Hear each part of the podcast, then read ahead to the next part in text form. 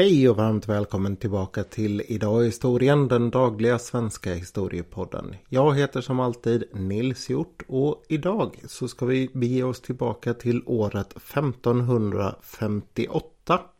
Platsen vi ska landa på det är ungefär prick i mitten av Rom i det Sixtinska kapellet. För där hade precis en man som hette Hernando Bustamente blivit anställd. Han var spanjor och skulle ingå i kören där inne och det som var speciellt med honom det var att han var kastrat. Det är lika bra att eh, så här under poddens första minut utan omsvep ta chansen att dyka ner i skillnaden på olika typer av kastrerade män. Enuck, det är ett samlingsuttryck för män som har blivit kastrerade oavsett när och av vilken anledning de har blivit det. Det kan vara en olycka, det kan vara kristna som har gjort det för att bli av med sexualdriften och på så vis få lättare att leva i celibat. Och det kan också vara sådana här vakter som man hade vid harem. Det är väl den mest kända sorten av enucker.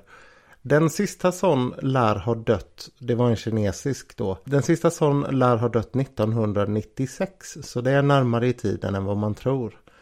En kastrat det är istället, eller en kastratsångare då, det som kallades för castrato. Det är alltså någon som man har kastrerat för att få just den här speciella kastratsrösten. När man gör det av den anledningen så måste det göras före puberteten vanligtvis mellan 7 och 9 års ålder. Men de detaljerna kommer jag komma in på lite senare. Anledningen till att det här med kastratstång började växa fram det var att man i kyrkan hade börjat med en allt mer komplex musik med flera stämmor och där man då behövde ha folk som kunde sjunga riktigt höga toner. Dessvärre så hade påven sagt att kvinnor inte får sjunga offentligt eller åtminstone inte i kyrkan för de ska ju vara tysta där. Så vad man gjorde istället det var att man antingen hade då väldigt unga pojkar som sjöng de höga tonerna eller så letade man med ljus och lykta efter goda falsettsångare. Och de har kommit från Spanien de allra bästa. Men de hade båda två nackdelar jämfört med kastratsångaren. Och vad det gällde pojkar så var det ju att de inte hade samma volym som kastratsångaren hade. Och de hade heller inte samma livslängd för det är bara några få år som en sån här pojke kan sjunga och det krävs väldigt mycket träning för att få till det rätta sångsättet. Och när det gäller falsettsångarna Ja, då tyckte man helt enkelt att de hade inte samma renhet i rösten som kastratsångarna. Så då tog man och kasserade dem från scenen också.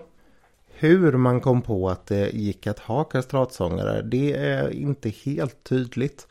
Men det går att följa utvecklingen ganska väl och den här Hernando Bustamente som jag pratade om i början. Han är en av de första som börjar sjunga i Sixtinska kapellet.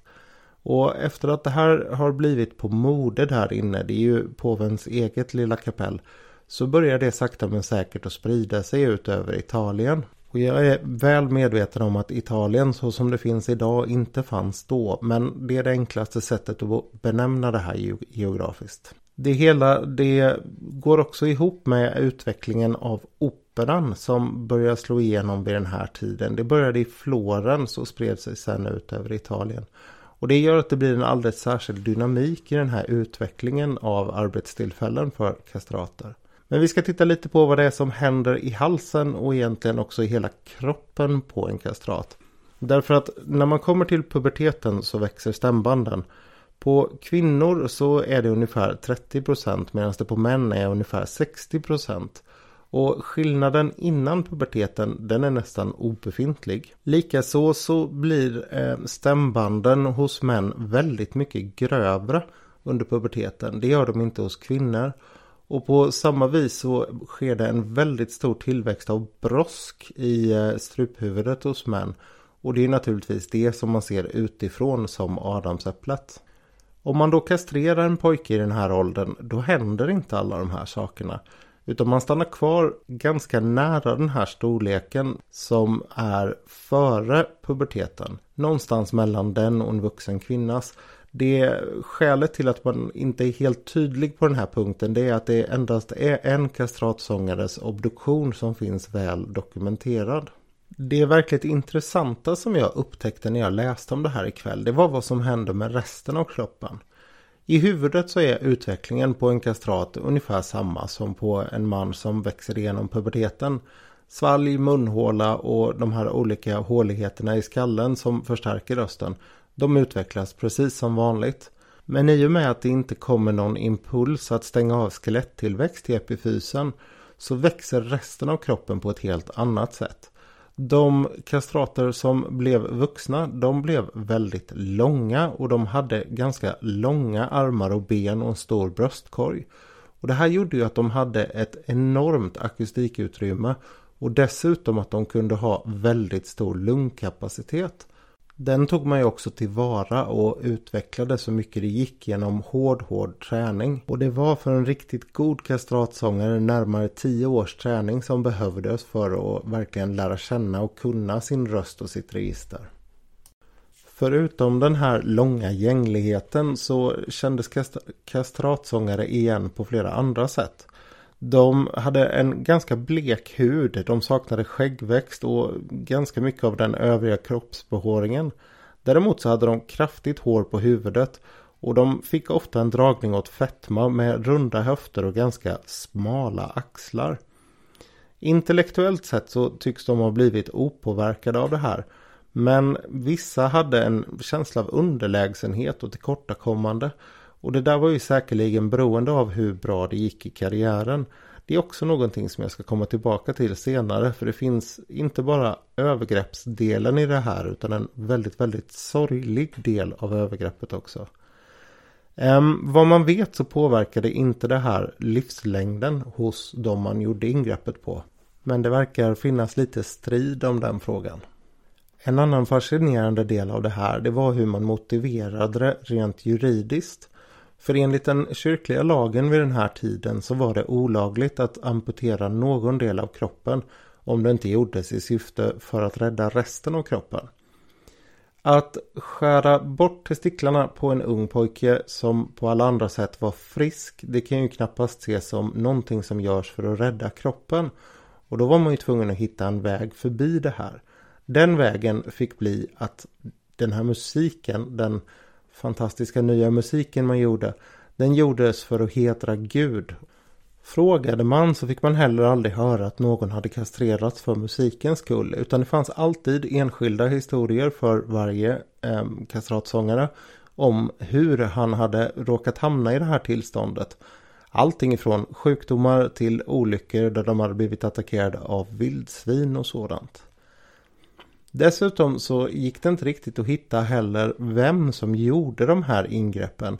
Det finns väldigt väl dokumenterat en engelsman som skrev en musikhistoria som reste runt i Europa. När han 1770, och det här är precis precis efter den största storhetstiden som kastratsången hade. Då frågade han sig för eh, vem är det som gör dem och han gjorde det i flera olika städer i Italien. Men ingen kunde svara honom på den frågan. Däremot så när han kom till Tyskland så träffade han hertigen av Württemberg. Och han om någon borde veta för han hade 15 kastratsångare i sin kör. Och han sa att det här det görs av skickliga kirurger ifrån Bologna. Omfattningen den har man också ganska bra koll på idag.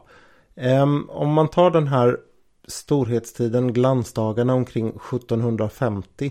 Då har alltså det här nya sångsättet i Sixtinska kapellet och den nya barocka kyrkomusiken spridit sig och blandat sig med operan. Operan har sedan i rasande takt spritt sig från Italien ut över Europa och blivit en verklig supersuccé med enormt stora stjärnor.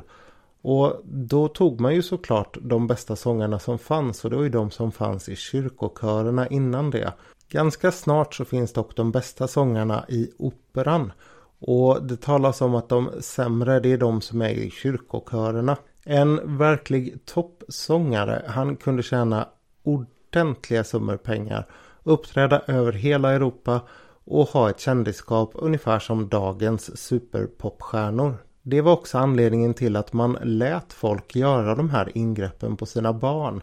För man vet att det var ungefär 4000 pojkar, det var ungefär så många som behövdes för att hitta de bästa, kastrerades varje år och det var med föräldrarnas tillstånd. Det var fattiga föräldrar som drömde om att deras barn skulle bli rika och kända och att man skulle kunna vara stolt över dem och förhoppningsvis få en hel del av de där pengarna själv. Ingreppen var precis som all kirurgi fram till faktiskt ganska nyss i historien väldigt otrevliga. Ehm, I en bok från den här tiden så beskrivs tre olika sätt. Det ena är att man bara öppnar pungen och skär sönder sädesledarna vilket fick då testiklarna att ehm, krympa ihop och sen försvinna till slut mer eller mindre. Ett annat sätt det var att lägga den här unga pojken i ett varmt bad för att göra allting lite mer medgörligt. Därefter så gjorde man en lätt strypning på halsbråsådrarna och medan han var avsvimmad så kunde man då ta bort hela testiklarna inklusive sädesledare. Ett tredje sätt som beskrivs i den här boken det var att bedöva honom med opium. Men det var lite problematiskt för det hände ganska ofta att man överdoserade och barnet dog. Och i en av de texter jag har läst i engelska The Lancet så säger de att det bör ju ha varit en hel del också som dog av blödningar, blodförgiftning och liknande saker. Vilket onekligen låter som en välkalkylerad gissning. Som jag tidigare sa så toppade den här historien omkring 1750 och det finns från den här tiden en hel del bevarade källor vad folk tyckte om att höra dem. Bland annat från London där man ofta hade framstående kastratsångare på besök. Och i en av de här bevarade texterna så är det en kvinna som beskriver det som någonting som får henne att känna sig som att hon är i himlen för en stund. Det är varken en manlig röst eller en kvinnlig röst utan någonting som är betydligt mer melodiöst än så. Den mest kände av alla de här sångarna det var Carlo Broschi, även känd som Farinelli, som eh, levde 1785 till 1782.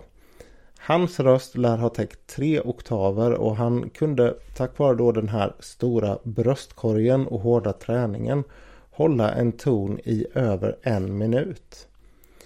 I London så fanns det också något senare en man som hette Giusto Tenducci som stannade kvar där och kunde leva på att vara kastratsångare även i London på 1700-talet. Han hade, vilket några få tycks ha haft, kvar sin sexdrift och gifte sig faktiskt med en kvinna.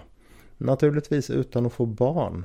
Och när vi ändå håller på och pratar om kända kastratsångare så kan jag säga att en man som heter Moreski han var den sista kastratsångaren i det Sixtinska kapellet.